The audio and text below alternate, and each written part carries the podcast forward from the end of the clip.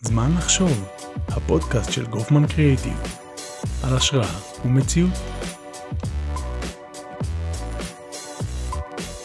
אהלן, היום אנחנו מארחים את אה, רמי רונן, אה, מנכ"ל אה, וויצ'ק. רמי, מה שלומך? בסדר גמור, כיף להיות פה. תודה רבה שבאת. אז מה זה בעצם וויצ'ק? וויצ'ק זה סטארט-אפ בעולמות הפינטק, שבעצם בליבה שלו עוסק בביטוח טכנולוגיה שעוסקת בניהול סיכונים פיננסיים, מה שנקרא באנגלית Financial Risks.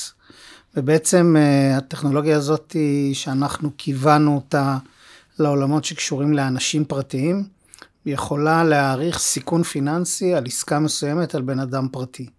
אני אתן דוגמה, נניח שאתה רוצה לקנות מכונית ממני, והמכונית עולה 50 אלף שקלים יד שנייה, אז, ואתה רוצה אה, להעמיד לי אשראי או לאפשר לי לשלם את זה בתשלומים, אז האלגוריתם יכול להעריך מה הסיכון הגלום בעסקה הזאת, והאם אני בגדול אעמוד בתשלומים או לא. אה, ועל הבסיס הזה כמובן שניתן אחר כך להציע הצעות כאלה או אחרות במישור הפיננסי. אז בעצם אתם סוג של אה, חברת ביטוח אה, לתחום השכירויות, לא? לא, חברת ביטוח לא עושה הערכת סיכונים אינדיבידואלית בהכרח, היא יותר עובדת על עקרונות אקטואריים. אנחנו יותר קרובים לבנק אה, בחשיבה ובדרך פעולה, ובעצם כשאנחנו מעריכים סיכון על עסקת שכירות, אה, הדבר דומה לבנק שמעריך סיכון למשל על מתן הלוואה בתנאים מסוימים, על אותו סכום או באותם תנאים או לאותו פרק זמן, לאותו בן אדם. לכן המודלים שלנו הם מודלים הרבה יותר קרובים או אפילו מאוד קרובים אה, בקונספט שלהם, לאו דווקא בדרך היישום או באלגוריתמיקה, לאיך שחושב בנק ולא כמו חברת ביטוח. אז תן לי להבין רגע, אני בעל נכס, אני פונה אליכם, ו- ומה קורה הלאה?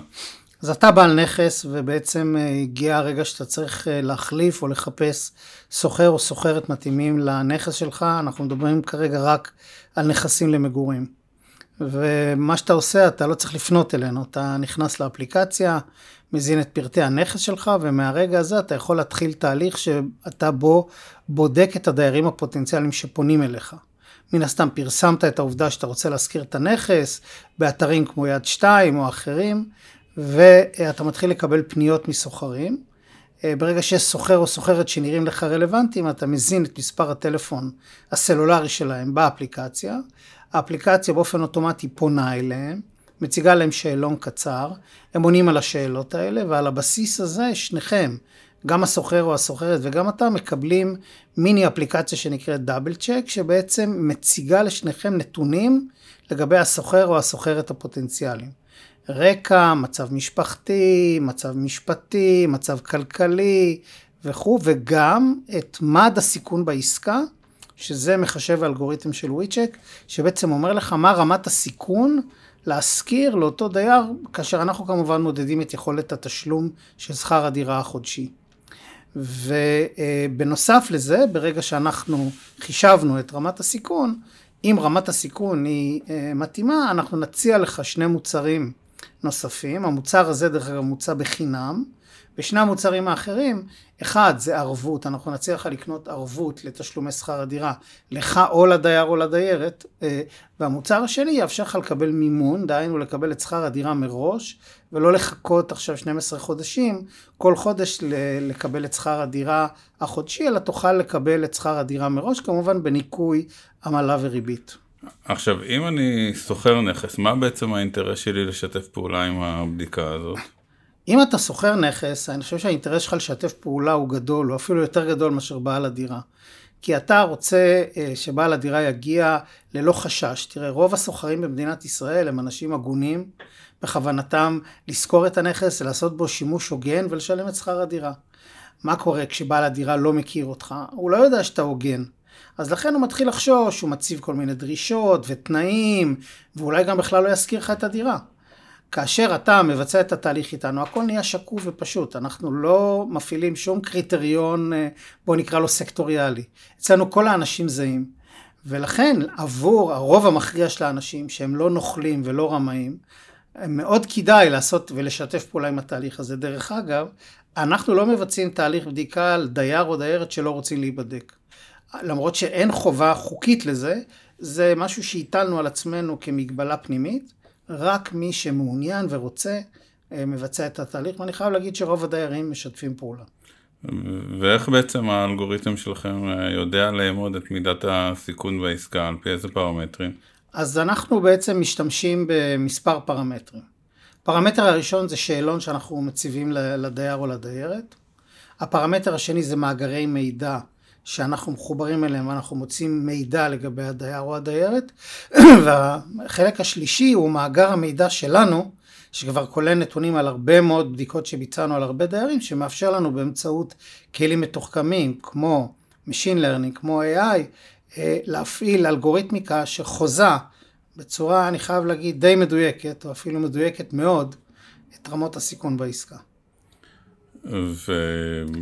ועכשיו, שאני אבין את התהליך, עכשיו נבדקה, נבדקה התאמה, גילמתם את, את רמות הסיכון. אגב, רמת סיכון זה מה? זה בסוף מספר? רמת סיכון זה מד שיש לו ארבעה תחומים, אוקיי? מתחת לממוצע, ממוצע, מעל הממוצע, והתחום האדום, שהוא כבר אה, מחוץ לטווח, אוקיי? ובעצם אנחנו מציגים את אחת מארבע הרמות האלה. והרמה היא אה, אחרי זה משפיעה על מה? על, על עצם הנכונות אה, לבצע את העסקה או על אה, פרמטרים תראה, נוספים? תראה, אנחנו, אנחנו לא מחליטים עבור בעל או בעלת הדירה מה הם יעשו עם הנתונים שאנחנו מספקים. אצלנו קודם כל זה משנה את ההמחרה של הערבות, זאת אומרת ככל שרמת הסיכון יותר נמוכה, המחרה של הערבות יותר זולה, המחרה שלנו היא דינמית.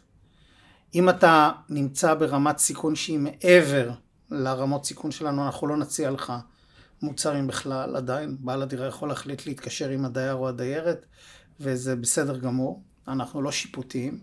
גם צריך לזכור שאנחנו לא מודדים אנשים, כמו שאמרת, אנחנו מודדים רמת סיכון בעסקה. אותו בן אדם בדיוק יכול לצאת ברמת סיכון X על עסקה מסוימת וברמת סיכון Y על עסקה אחרת. יש כל מיני פרמטרים שמשפיעים על זה, ו, אה, ובסופו של דבר אני חושב שזה גם נותן אינדיקציה, בפעם הראשונה במדינת ישראל, שמישהו נותן אינדיקציה פשוטה, נגישה, צבעונית ומאירת עיניים לבעל הדירה, מי עומד מולו, ויש לו כלי אמיתי לקבל החלטות, כי אחת הבעיות הגדולות בשוק השכירות בישראל, שלפחות עד שאנחנו הגענו זה היה שוק מאוד לא משוכלל, שמתאפיין מטבעו בזה שאין הרבה מידע, או כמעט אין מידע בכלל. והדבר הזה יוצר חשש בשוק הזה, ו- ו- ואז הולכים לכל מיני מקומות קיצוניים. זה אולי אחד המקומות האחרונים עוד בעולם העסקי המשמעותי, שבו דורשים האנשים להביא עריבים. אה, בנקים... אגב, יש לזה תוקף? זאת אומרת, אני, זה נראה לי יותר טקסי מ... תראה, קודם כל יש לזה תוקף. כמה קל לממש את זה, זה כבר דיון אחר. אנחנו כמובן, אני, אני בא פה ממקום שאנחנו חושבים שזה לא הפתרון הנכון. אני חושב שגם הבנקים היום חושבים שלקחת ערבים זה לא פתרון נכון. ולכן הם נמנעים מזה ככל האפשר. זה במקרים מאוד נדירים. וגם על זה יש רגולציה מאוד כבדה, איך צריך להזהיר את הערבים וכו', מה שלא קורה במקרה הזה, כי מביאים את הדודה מחדרה לחתום ערבות לילד, אוקיי? היא לא מבינה על מה היא חתמה, בעל הדירה לא מבין על מה הוא החתים אותה, אוקיי? וביום פקודה, אה, מן הסתם, יהיה מאוד קשה לגבות מהדודה מחדרה את הכסף. אבל בעל הדירה החזיק שטר ערבות וחושב שיש לו איזושהי בטוחה, אין לו. ואז פעם אחת שיש לו אירוע כשל, זה מוביל אותו גם להיות הרבה יותר לחוץ בפעמים הבאות, גם להיות הרבה יותר שיפוטי על דיירים ולהפעיל כלים לא נכונים. היה לי מישהו מפתח תקווה, הוא לא שילם, אז כל החבר'ה מפתח תקווה לא בסדר. אני נוקט בשם פתח תקווה כי בדרך כלל הגישה יותר גזענית מזאת, ואנחנו מנסים לייצר הרבה יותר דמוקרטיה. כי אנחנו לא חושבים שיש לזה בכלל קשר. ואני חושב שהשוק הזה יש לו עוד הרבה מקום להשתכלל, וזה מקום שאנחנו ממשיכים לפתח אותו כל הזמן. אנחנו ממש בימים אלה הוצאנו מוצר חדש, חינמי לחלוטין, שנקרא uh, WeCheck News, שבעצם מתעדכן כל חודש, וזה מיני אפליקציה שנותנת לך נתונים לפי ערים. על מחירי השכירות ומחיר... ורמות ההיצע והביקוש. רגע, לפני, עוד לפני זה, אני כן. רק אה, רוצה להבין, אה, כשאתה מדבר על, אה, כשאנחנו מדברים על אה, רמות סיכון בעסקה. כן. הרי עסקת שכירות יש לה, יש לה כמה מרכיבים, יש את עניין ההמחאות והתשלומים השוטפים, יש לה את המצב, את המצב של הדירה כשהדייר עוזב אותה, יש לה מנגנון של עזיבה מוקדמת או עזיבה בזמן. זאת אומרת, כנגד איזה, או איזה אירועים בעצם אה, בתוך אה, חיי השכירות אתם נותנים הגנה? תראה, בסוף יכולים להיות כל מיני אירועים, אבל צריך להיזהר שהזנב לא יקשקש בכלב. בסוף האירוע המרכזי הוא תשלום שכר דירה. זה הסכום הגדול והמשמעותי, אותו אנחנו בודקים. אה, אנחנו מאפשרים לבעלי דירות להתכסות על חודש שכירות אחד נוסף כסכום כספי לכל הדברים האחרים שאתה מתאר, אבל אתה צריך להבין, זה 1 חלקי 12. בדרך כלל ההשפעה של זה על מד הסיכון היא לא גבוהה. אה, ולכן בסופו של דבר, בשורה התחתונה, בעלי הדירות רוצים לקבל את הכסף. אה, כל הדיונים המשניים לגבי דיירים שלא עוזבים או כן עוזבים, הם לא לא עוזבים וממשיכים לשלם. זאת אומרת, זה חלק מאותו אירוע. שכבר יש לך דייר שלא משלם ואתה רוצה לפנות אותו, אתה לא יודע לעשות את זה. וגם פה אנחנו נכנסים לפעולה, כי וויצ'ק זה לא רק אלגוריתמיקה, זה לא רק טכנולוגיה, זה בסוף גם שירות שלנו ללקוחות, ואנחנו לוקחים על עצמנו את האחריות במצב שבו אתה מפעיל את הערבות, לטפל בכל מערכת היחסים מהרגע הזה עם הדייר.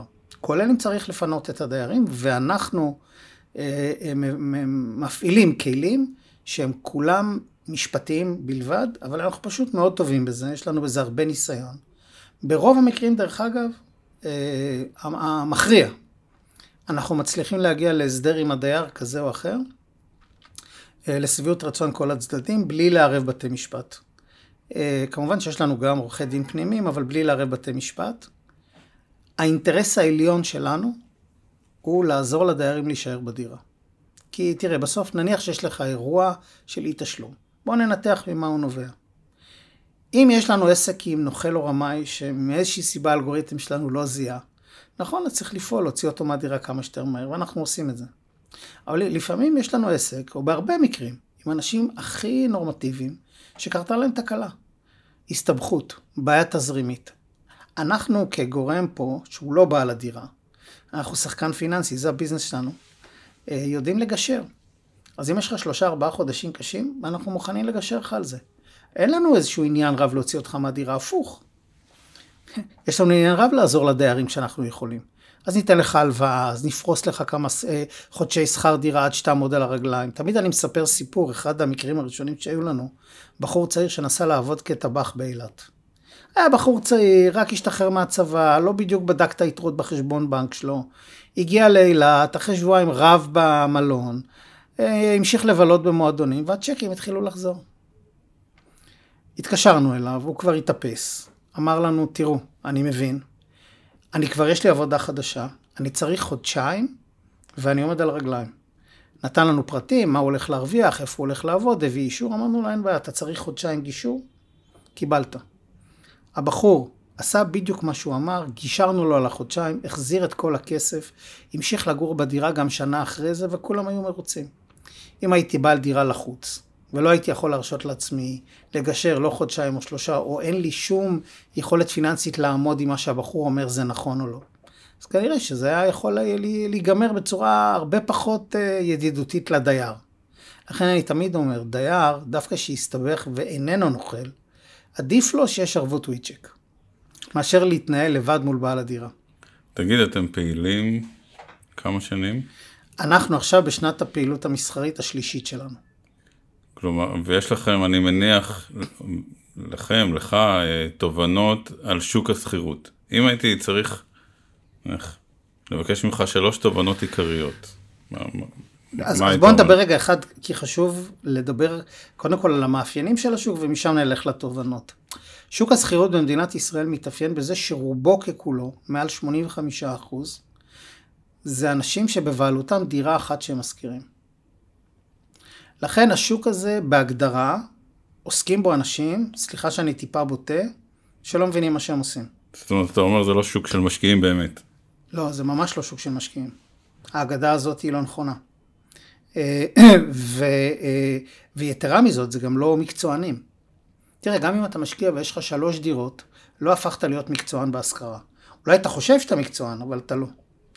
ו, אה, ולכן, לא רק שזה שוק לא משוכלל, גם עוסקים בו אנשים שזה לא עיסוקם, שהם עוסקים בזה, ועוד דבר, זה העסקה אולי הכי משמעותית שהם עושים פעם בשנה או פעם בשנתיים. בואו רגע נחשוב על זה. תראה, יש פה בן אדם שבא אליך ואומר לך שלום, אני רוצה לגור אצלך בדירה. בוא נניח ניקח שכר דירה ממוצע של 5,000 שקל לחודש, זו עסקה של 60,000 שקל לשנה. תחשוב, הבן אדם הזה יורד לסניף הבנק למטה, אומר שלום, שמי חיים, הנה 12 צ'קים על 5,000 שקל, אפשר לקבל 60,000? מה הבנק היה אומר לו? לא, בחיים לא. אבל אתה נדרש לתת לו את הדירה שלך, שכנראה שווה מיליון וחצי, אולי שני מיליון שקלים. אתה לא יודע כלום. אז, אז מפה אנחנו באים ואומרים, אחד, השוק הזה, יש בו מעט מאוד גורמים מקצועיים. יתרה מזאת, כל הדיגיטציה דחקה החוצה במדינת ישראל את התיווך. פחות מ-15% מהשוק משתמש בתיווך. עיקר השימוש בתיווך זה עבור אנשים באמת סוג של משקיעים שפשוט לא גרים בקרבה מספקת לדירה, הם לא יכולים לטפל בזה. או שמשקיעי חוץ, או שקניתי דירה באילת, או בקריית שמונה ואני גר בתל אביב, ולא נוח לי. ולכן אפילו הגורם הזה שהוא סמי מקצועי לא מעורב ברוב העסקאות. וזו תובנה משמעותית מאוד על השוק הזה ואיך שהוא מתנהל, כאשר מדינת ישראל היום צריך להבין. במדינת ישראל היום יש בין 650 ל-700 אלף דירות שמושכרות. זה מהווה כמעט שליש מהדירות במדינת ישראל. בסי... בסייקל? כן, בסייקל ממוצע של שנתיים, אוקיי? Mm. במחיר ממוצע היום שהולך ועולה, זה היה 50 אלף שקל, עכשיו אני כבר חושב שאנחנו יותר לכיוון ה-55 אלף שקלים בשנה. זה שוק שמגלגל, תעשה חשבון מהיר, 35 מיליארד שקל, רובו ככולו משולם בצ'קים, אוקיי? ואנשים פרטיים שמחזיקים דירה אחת שהיא בהרבה מקרים תחליף הפנסיה שלהם. זאת אומרת, עד כמה השוק לא משוכלל, הוא משתמש בדברים אנכרוניסטיים. אם אנחנו מסתכלים גם על העולם של, של השוק הזה בכלל ומה קרה בו, קרדה פה מהפכה לפני קצת יותר מ-20 שנה, שהשוק עבר מפרינט לדיגיטל, ויד שתיים הם שותפים שלנו והם מאוד קרובים אלינו, אנחנו מאוד מעריכים אותם, אבל אם תחשוב כמה יד שתיים השתנתה במובן הזה בשנים האלה, לא המון.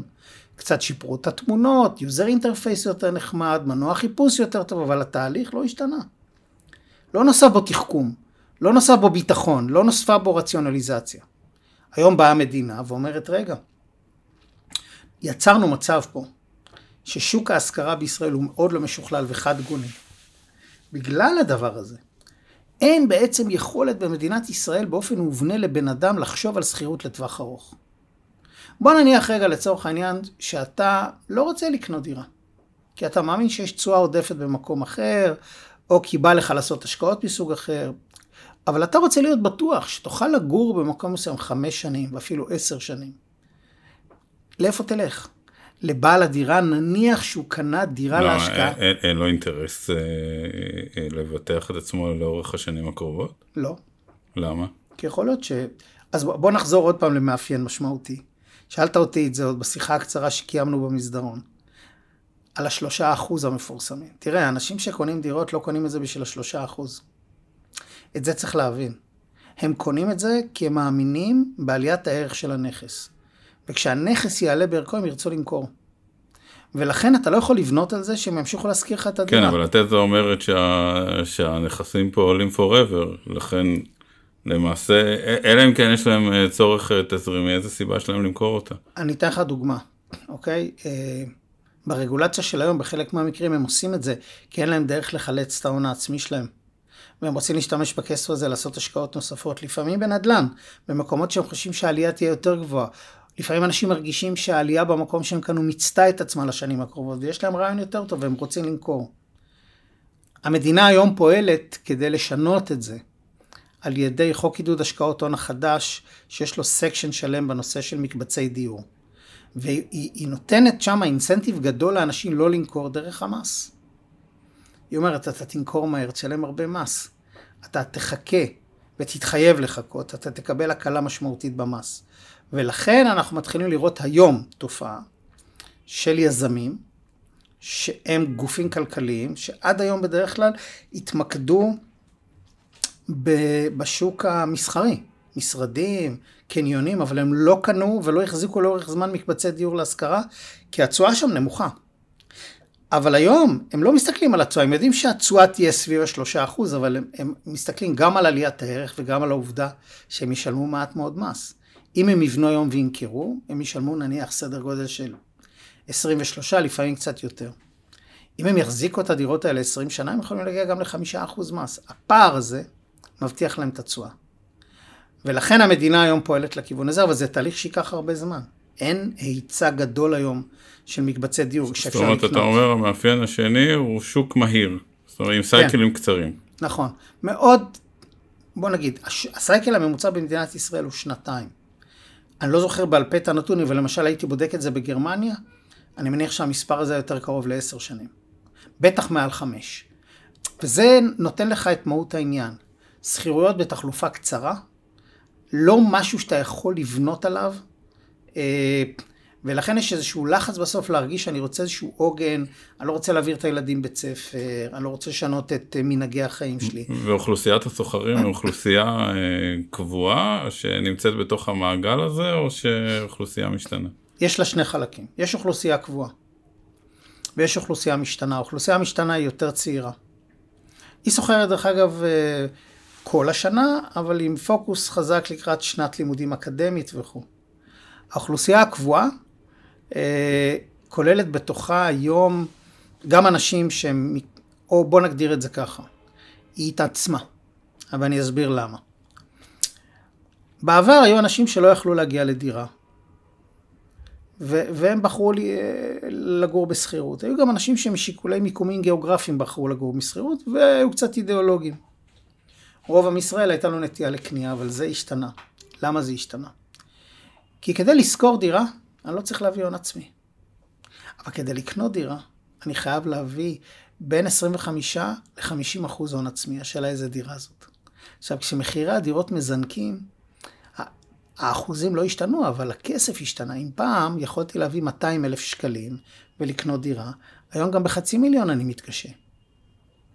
אז פתאום נהיית אוכלוסייה הרבה יותר גדולה, שיכול להיות שהיא הייתה רוצה לקנות, אבל היא לא יכולה. ושתקועה במלכודת כן, ההון עכשיו בוא נחשוב. על זה ככה, תראה, נניח שהחזר המשכנתה שלי הוא 6,000 שקלים, וגם שכר הדירה הוא 6,000 שקלים. אנשים אומרים, מה, אני משלם שכר דירה וזורק את הכסף, יכולתי לקחת משכנתה. ברור שיכולת לקחת משכנתה, אבל אתה צריך להביא עוד 400,000 שקל. ואם אין לך את ה-400,000 שקלים האלה, אתה לא יכול לקחת את המשכנתה. דבר נוסף, במשכנתה יש שוק משוכלל. הבנק בודק אותך מכל כיוון אפשרי. בעוד שבעל הדירה, לפני שוויצ'יק הגיע, בכלל לא יודע איך לבדוק אותך, לא היה לו כלים, מה הוא מחזיק חטיבת חתמים וכלכלנים כמו במזרחי טפחות? לא. לכן, בגדול, אין לו מושג, הוא לא יודע באמת מה מצבך. וגם אם הוא יבקש ממך להביא 20 ניירות, הוא לא יודע מה לעשות איתם. ולכן, אה, אני חושב שאנחנו, ביחד עם המגמה הכלל עולמית, הולכים לעבוד ולשכלל יותר ויותר את שוק ההשכרה. בסוף, כששאלת אותי למה כדאי לסוחר לענות על השאלון, זאתי התשובה. כי בסוף הסוחר הוא האינטרסנט מספר אחד בשוק משוכלל, ולא בעל הדירה. בעל הדירה היום חושש, זה מצב לא טוב. אבל בסוף, אם תחשוב על זה, נניח שיש שוכרים עתידים, לאיזה סוג שוק הם היו רוצים להגיע? הם היו רוצים להגיע לסוג שבו התהליך פשוט, עד כמה שאפשר דיגיטלי. להפוך את זה ממוצר, בוא נקרא לו חצי רומנטי, עם אה, פגישות בבתי קפה ואווירה ובעל הדירה יאהב אותי או לא, לתהליך פשוט שאני נכנס, ממלא שאלון, בום, רוצה את הדירה, חותם דיגיטלית, זז קדימה. אתה מציג את אה, תהליך אה, שכירת הדירה, ובצדק, אה, תהליך מסוכן. אני מדבר בזווית של בעל הנכס. נכון. אז איך אתה מסביר את זה שסתם נניח ניקח דירה של לא יודע שני מיליון שקל שבעלי דירות מעדיפים להסתכן בתהליך הזה ולהחזיק דירה בשני מיליון ולא נניח אה, אה, להשקיע את הכסף הזה בשוק המניות שגם בו יש סיכון, אה, סיכון מסוים ו- ומגולם. אז אני אגיד לך, בעל הדירה רואה שני סיכונים. הוא רואה סיכון אחד שהוא קנה דירה בשני מיליון, ורחמנא ליצלן, מחר אולי תהיה שווה רק מיליון וחצי. אבל הוא מבטל את הסיכון הזה, כי הוא אומר, אם אני אחזיק את הדירה מספיק זמן, זה לא יקרה. הסיכוי שלי להפסיד ולא לעשות תשואה על הדירה קטן. עכשיו, בואו נחשוב איך בעל הדירה קנה את הדירה. כמעט 70% מבעלי הדירות להשכרה במדינת ישראל יש להם חוב נגד הדירה, או שהם שוכרים ומשכירים. תכף נגיע לקהילה של שוכרים. שזה אגב הופך את העסקה לעוד יותר מסוכנת. נכון, אבל זו המוטיבציה שלו להשכרה. כי כשהוא עשה לעצמו את החשבון על החוב שהוא לקח, הוא אמר לעצמו, הון עצמי אני מביא, פדיתי קרן, קיבלתי פיצויים, ווטאבר. שאר הכסף אני לוקח בחוב, ואת החוב הזה מממן את השכירות. ולכן כל עוד השלושה אחוז, עכשיו בואו נחשוב היום מה הריבית הממוצעת על משכנתה היום במדינת ישראל, היא נעה, בוא נגיד, אם אתה עדיין משכנתה ראשונה ואתה לווה טוב, בין שלושה לארבעה אחוז. זאת אומרת שהשכר דירה בגדול אמור לממן את המשכנתה. זאתי המוטיבציה של בעל הדירה. גם אנשים היום שנעזרים בגופים, וקיימים היום כבר גופים, למשקיעים בנדל"ן שעוזרים להם לבנות את תוכניות ההשקעה, זה הרציונליזציה. הון עצמי פלוס חוב, מכוסה על ידי שכר הדירה, אני לא מביא כסף מהבית, ואני נהנה מכל עליית הערך, אוקיי? אז אומר לעצמו בעל הדירה, הנה סגרתי את המשוואה, הוא עדיין חושש מה יקרה אם באמת הכסף לא יגיע, ואני אסביר למה. בעל הדירה אומר לעצמו, או בעל הדירה לא מבין מה שאני הולך להסביר עכשיו. בעל הדירה אומר לעצמו, טוב, אז פעם הוא לא ישלם 5,000 שקל, אז אני אשלם ואני אגבה וזה. אין אירוע כזה. אין בן אדם שלא משלם 5,000 שקל. בממוצע, דייר שלא משלם, לא משלם שישה חודשים. זה אירוע של 30,000 שקל. זה כבר בור.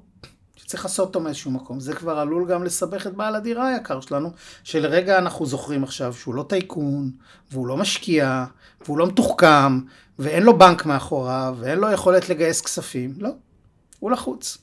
פה אנחנו באים ו- ומשנים את המשוואה, ואני חושב שהדבר הזה אה, אה, הוא מאוד חשוב כדי ליצור שוק שהוא יותר רגוע, יותר נכון, יותר רציונלי. ואני אגיד עוד דבר. כן, אבל רוצה רגע לחזור איתך לשאלה המקורית. אתה, אתה בעצם אומר, יש פה כמה, יש פה כמה סיכונים, חלקם נתפסים כסיכון, חלקם לא. למה מלכתחילה המסות, אה, אה, המסות של, של משקיעים, משקיעות בדירות ולא בשוק ההון? אז אני, אני חושב שזה נתפס, בטח במדינת ישראל, כהשקעה מאוד בטוחה. נכס, משהו שאני רואה אותו, שאני יכול תמיד לממש אותו. השקעה בשוק ההון היא השקעה הרבה יותר וולטילית. אבל הרבה יותר נזילה. נכון, אוקיי? אבל צריך לזכור שבסופו של דבר אנחנו לא מתעסקים במשקיעים רציונליים. דרך אגב, בשום מקום, בשום שוק, אף פעם. כבר שני פרסי נובל ניתנו רק על הדבר הזה. והמשקיע הוא לא רציונלי, המשקיע הוא אמוציונלי, ובאמוציה, שהוא קונה בית ב- ב- בהוויה הישראלית, אוקיי? אני חושב שנגיד אולי במדינות אחרות זה טיפה פחות, אוקיי? אבל אצלנו זה נחשב למשהו מאוד בטוח. עכשיו, אני אגיד גם עוד דבר. מה שקורה היום, בשנים האלה, ואין לדעת כמה זה באמת ישתנה. במשטר ריבית כל כך נמוכה, זה מעודד את המשקיעים ללכת למימון גבוה.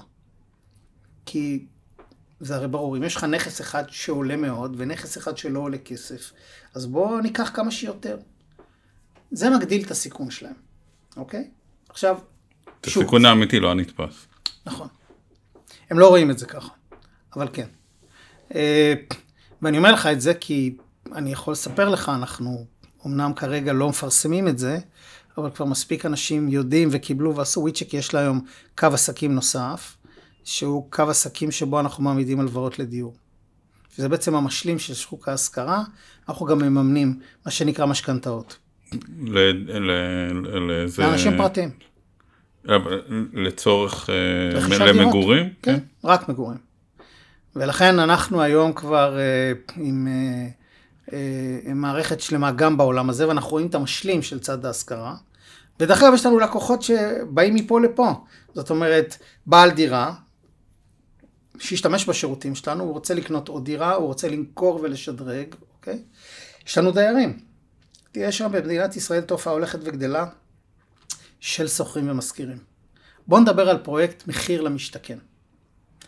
מחיר למשתכן בקונספט, רגע, כשאתה מדבר על שוכרים ומשכירים, אתה מתכוון לכאלה שיש להם דירה במקום א', נכון. שהם רוצים לשדרג אותו, אז בואו נדבר או- על זה. או, אוקיי. מה זה אומר? כן, זאת אומרת גם, אבל לא רק. תראה, מה זה מחיר למשתכן? מחיר למשתכן היה אמור לתת פתרון למחירים ולהציע דיור זול במימון מאוד גבוה. אני לא יודע אם אתה יודע, אבל יכולת להגיע ל-90% מימון. זה מאוד אטרקטיבי בבעיית ההון העצמי. רק מה, זה נעשה במכרזים.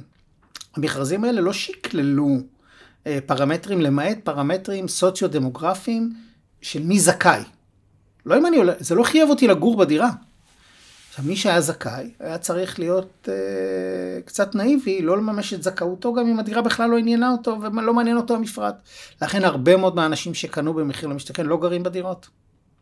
הם משכירים אותם, זה עבורם העוגן, יש להם דירה באיזשהו מקום עכשיו, הם מרגישים מאוד בנוח לשכור, אבל הם מאוד תלויים בשכר הדירה. דרך אגב, לכן מחיר למשתכן לא רק שלא הוריד את המחירים, הוא העלה את הביקוש. כי עכשיו אנשים שאולי לא שקלו ברגע הזה להיכנס לשוק, עשו את זה רק כי הם זכו במכרז. וזה יצר עוד צורך במימון, כי הם קיבלו 90% מימון, אוקיי? וזה רק יצר עוד יותר לחץ על השוק. ואנחנו רואים היום תופעה הולכת וגדלה של אנשים שלא יכולים לסגור את הפער בהון העצמי. הם גרים בדירה לצורך העניין שני חדרים. נולד להם ילד, הם צריכים עוד חדר. הם לא יכולים להרשות לעצמם את התוספת של העוד חצי מיליון שקל, שמתוכה הם צריכים להביא אולי חצי. ואז מה שהם עושים, הם משכירים את הדירה שלהם, וכשהם באים לשכור דירת שלושה חדרים, אף אחד לא מעמיד אותם בשום מבחן כלכלי, הם יכולים לעשות מה שהם רוצים, והם לא צריכים להביא הון עצמי.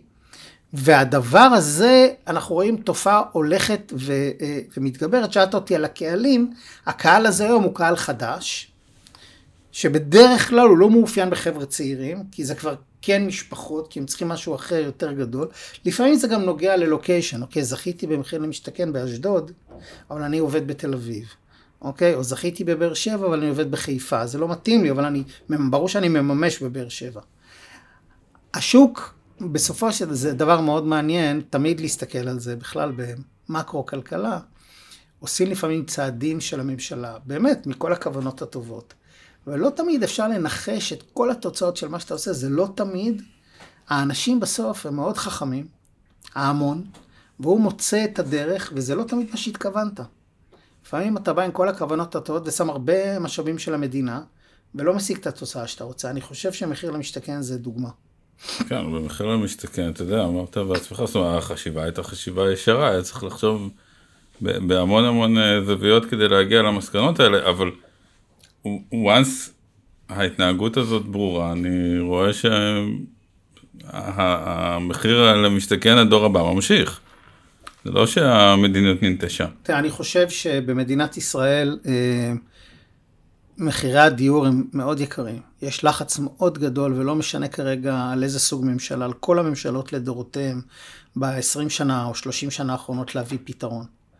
הפתרון האמיתי הוא רק ב... ב אני חושב שבלי קשר בכלל, כרגע מאוד קשה לממשלה לפתור את הבעיה בגלל הריבית הנמוכה. כל ההגבלות האלה על הבנקים הן הגבלות מלאכותיות. זאת אומרת, הפתרון האמיתי הוא בארצות הברית. הפתרון האמיתי חלקו נמצא בארצות הברית. דרך אגב, כשהריבית תעלה, זה מהלך מאוד uh, מורכב ומסוכן. Uh, הוא בפלפ... אני אתן לך למשל דוגמה, בנק ישראל בא ומאוד רצה להיטיב עם לוקחי המשכנתאות. אמר, תראו, עד היום הגבלתי אתכם uh, לקחת מקסימום שליש מהמשכנתה בריבית צמודת פריים, מה שנקרא ריבית משתנה. עכשיו אני מסיר את ההגבלה הזאת. עכשיו, למה הוא עשה את זה? כי הבנקים, על המקטע הזה של הריבית צמודת פריים, נתנו מרווחים מאוד זולים. זה בעצם היה הלוס לידר שלהם. הם הרוויחו מספיק על הריביות הקבועות או על הריביות צמודות המדד. ומה בנק ישראל חשב? שהבנקים ימשיכו אה, לשים לוס לידר שזה הופך להיות שני שליש? אחד לא. אבל שתיים, זה הגדיל משמעותית את הסיכון. תראה, היום אנחנו בריבית נמוכה. אני בכלל, אם הייתי לוקח משכנתה, אם הייתי לוקח את כולה בריבית קבועה. מה יקרה? ברגע שהפריים יעלה, והוא יעלה, כל האנשים האלה פתאום, זה מאוד ישנה את יכולת ההחזר שלהם, עד היום שילמת 5,000 שקל. כן, אבל השוק מתנהג כאילו שהאירוע הזה לא יקרה, והאירוע הזה בוודאות של 100% יקרה. אני רוצה להגיד לך משהו על הוודאות של 100%, אתה יודע, ביפן... לא, אם אנחנו מסתכלים 20 שנה קדימה. ביפן 30 שנה, הריבית אפס, וכל שנה אומרים, טוב, זה לא יכול להימשך. כן. זה נקודה שלכלכלה העולמית תהיה מאוד קשה לצאת ממנה. המשמעות היום של העלאת הריבית, כי צריך להבין שהרבה נכסים נבנו בריבית הזאת. כן, אבל אנחנו לא... הדיון הזה היה, היה לא, לא מתקיים היום בתנאי אינפלציה נוחים. אנחנו בתנאי אינפלציה שמתחילים להיות, שהם כבר לא נוחים, הם מתחילים להיות עוד יותר לא נוחים. אני מסכים. זאת אומרת, אם היינו מנהלים את הדיון הזה, לא יודע, ב-2015, אז בסדר. כן. אני מסכים, רק אני אומר, תראה, אני לא יודע. ואני כבר, אני כבר לא מדבר על העלאות ריבית שהוכרזו בארצות הברית. תראה, אני... למרות שיש להם נטייה קש... להכריז ואז ללכת לאחור. כן, קשה מאוד uh, לטעמי לחלוק על מה שאתה אומר, כי זה הרציונל. Uh, עדיין יכול להיות שבסוף המציאות תהיה טיפה שונה, בגלל ההבנה שהעלאת הריבית הזאת גם בסופו של דבר פוגעת בחוסן הפיננסי של המוסדות הפיננסיים וגם של ממשלות. בדברים מסוימים, כי אתה יודע, העלאת הריבית הזאת מייקרת גם את גיוסי החוב.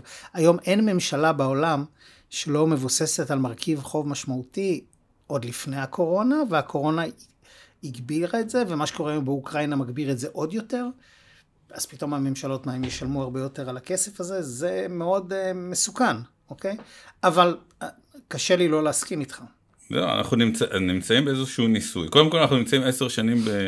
לא, יותר, כבר 11, 12, כמה? 14. 14 שנים בתוך ניסוי שאף אחד לא, לא יודע מה יהיה סופו. נכון. תוסיף על הניסוי הזה את מחירי הנדל"ן ההיסטריים בכל העולם, תוסיף את הקורונה, תוסיף את המציאות הגיאופוליטית גם הדי פסיכוטית, תוסיף את, את הסיבוך בשרשרות האספקה, תוסיף את האינפלציה וקיבלת איזשהו משהו שאיך נגיד בעדינות, כנראה שהוא לא מתפתח לכיוון טוב. אבל אני אתן לך דוגמה לגבי האינפלציה. יש איזו הנחה, שאם נעלה את הריבית, האינפלציה תרד. עכשיו, אני אה, בוגר, אומנם הייתי בחור מאוד צעיר, אבל בוגר האינפלציה הגדולה שהייתה פה במדינת ישראל. ואני זוכר אז שכל מיני צעדים שכלכלנים רצו והבטיחו שהמדינה תעשה ויטפלו באינפלציה, בסוף רק עשו fueling up. אז לא בטוח שרק העלאת הריבית לבד יכולה לטפל בבעיית האינפלציה. חלק מבעיית האינפלציה נובעת גם מההיצע, מה, מההיצע וחלק מבעיות ההיצע הם לא supply chain. תראה, למשל, בוא ניקח את השוק האמריקאי היום, שמבין שהוא הלך וסגר את חלק נכבד ממשאבי הייצור שלו, מתוך ההבנה שתמיד יש לו קרקע לייצר במזרח הרחוק, בהתחלה בסין ואחר כך במדינות נוספות. הוא מתעורר היום ומגלה שזה מייצר אינפלציה. למה? כי הוא כבר לא יכול להיות בנוי עליהם. לא רק בגלל כי הם לא רוצים למכור לו, כי הרבה דברים השתנו. כי גם להם פחות כדאי לייצא, ובטח במחירים שבאמריקה מוכנים לשלם.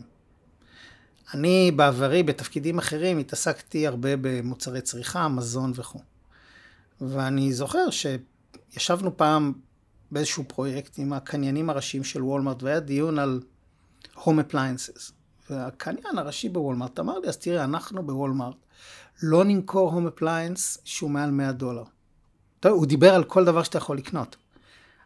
עכשיו, הגעת לעולם שבו בעצם home appliances, כולל מקררים ומכונות ומה שאתה... בעצם הערך הכלכלי שלהם הוא זניח. הרווח עליהם הוא אפסי. רוב החברות שמייצרות אותם לא מרוויחות כסף. זה לא מצב אפשרי. אתה יודע, אתה מסתכל היום על מכוניות, אומרים לך קומפוננטות, סבבה, אבל בוא תראה, מחירי המכוניות עולות בעשרות אחוזים. וזה מתחיל, ב... פה בישראל עוד קשה לנו להבין בגלל המס, אבל שמע, זה לא קורה רק בישראל, ואתה רואה שהיצרנים מעלים מחירים. אז, אז, אז אתה אומר, שמע, יש פה איזושהי תופעה שהיא צריכה לעבור איזשהו איזון, שלהערכתי האינפלציה לא נובעת רק מהריבית. ולכן לא בטוח שאם מחר, יכול להיות דרך אגב שאם מחר תעלה את הריבית, רק תחמם עוד יותר את האינפלציה. כי אז כולם יעלו מחירים, כי פתאום יהיה להם דברים, עכשיו המימון יהיה יותר יקר, אז, אז על מי ישיתו את זה? על הצרכן. זה לא שהשחקנים יכולים לבלוע את ההפרש במימון. היום לפחות אין, לא עולה להם המימון, הכסף יותר זול. אבל שמע, זה, יש פה התנה... זה אני, דיון אני פילוסופי. כן, אני פשוט לא מצליח להבין את ההתנהלות הזאת, סתם, אתה מסתכל על השוק האמריקאי, האמריקאים... כי האינפלציה שם משתוללת והאמריקאים נוהרים לשוק הנדל"ן. כן, אמריקאים, תראה, אבל שוק הנדל"ן בארצות הברית זה, זה, זה, זה האנטיתזה של השוק הישראלי. הוא אף פעם לא הפגין יציבות, הוא שוק וולטילי מאוד. אה, ולכן אני חושב אז אתה שוב. מחזק את חוסר הרצינות. תראה, היה שם נקודת ברך עם מחירים מאוד זולים, זה נגמר. אבל אני חושב שהמחירים המאוד גבוהים שרואים בשוק הנדל"ן מתחילים יותר, קודם כל, אתה יודע, במקומות שבהם הנכסים נמצאים במחסור. אתה יודע, לקנות דירה במנהטן, אוקיי, היה רגע שזה היה יותר זול. אבל מהר מאוד זה התהפך, כי תקשיב, יש גבול לכמות הדירות שאפשר לקנות במנהטן, זה שטח סגור. ולכן זה מצרך שתמיד יהיה לו ביקוש, ו... וכו'. ושמע, גם חלק מהתופעות הם אה, אולי הן קצרות טווח, אנחנו לא יודעים. רמי, ת, תגיד, אם, אם אתה מסתכל על שוק השכירות המקומי, נחזור אליו, כן, אה, ונאמר עשור קדימה, כן. מה אתה רואה? אז קודם כל אני חושב שהשוק יהפוך להיות יותר משוכלל, והכלים שיעמדו בפני שוכרים ומשכירים ישתנו. אני חושב שאנשים שעדיין ירצו להחזיק דירה אחת או שתיים להשכרה יוכלו לעשות את זה, אבל יהיה להם כלי ניהול הרבה יותר חזקים לתהליך, עד רמה שהם בעצמם לא יטפלו בנכס. אה, תהיה דיגיטציה מושלמת של התהליכים, אה, ואנחנו נראה אתה רואה שוק גדול יותר או קטן אני יותר, רואה אחוזית? שוק, אני רואה שוק, אה, אני חושב שזה לא יעבור 35 אחוז, אבל זה יישאר שם, אוקיי? אה, לפחות. זאת אני, אומרת, אתה רואה ישראלים עדיין אה, רוכשים דירות. אני חושב שישראלים עדיין ירכשו דירות, אה, אלא אם כן יהיה משבר עצום במחירים, זה יכול להגדיל את זה. תראה, כשאני מסתכל על מדינות ה-OECD, אז ישראל היום נמצאת איפשהו בממוצע, אני חושב שאנחנו נהיה מעל הממוצע. אני לא חושב שנעבור 40 אחוז, או נגיע נגיד ל-50 אחוז כמו בגרמניה, אבל בגרמניה זה דרך חיים. מה שכן, וזה יהיה השינוי הגדול בשוק, תהיה השכרה מוסדית. לטווח ארוך, בהיקפים, אני מעריך שתוך עשר שנים מהיום, לפחות, לפחות 20-25 אחוז מהשוק. עכשיו, זה נכון שתגיד לי, רגע, זה, זה, ה-20-25 אחוז האלה יקבעו את הכללים של השוק. זאת אומרת, כשהשחקנים האלה יבואו, והם באים כבר היום, הם יבנו תשתית של איך נראית שכירות, איך נראה חוזה שכירות, מה הערבויות שניתנות ואיך, איך נראה תהליך, והשוק יתיישר. השוק יתיישר. הוא יתיישר בשני מובנים. אחד, זה יהיה נוח גם לבן אדם הפרטי להגיד, רגע, אם אפריקה ישראל משכירים ככה דירה, אז אני הולך להשתמש בחוזה אחיד של אפריקה ישראל.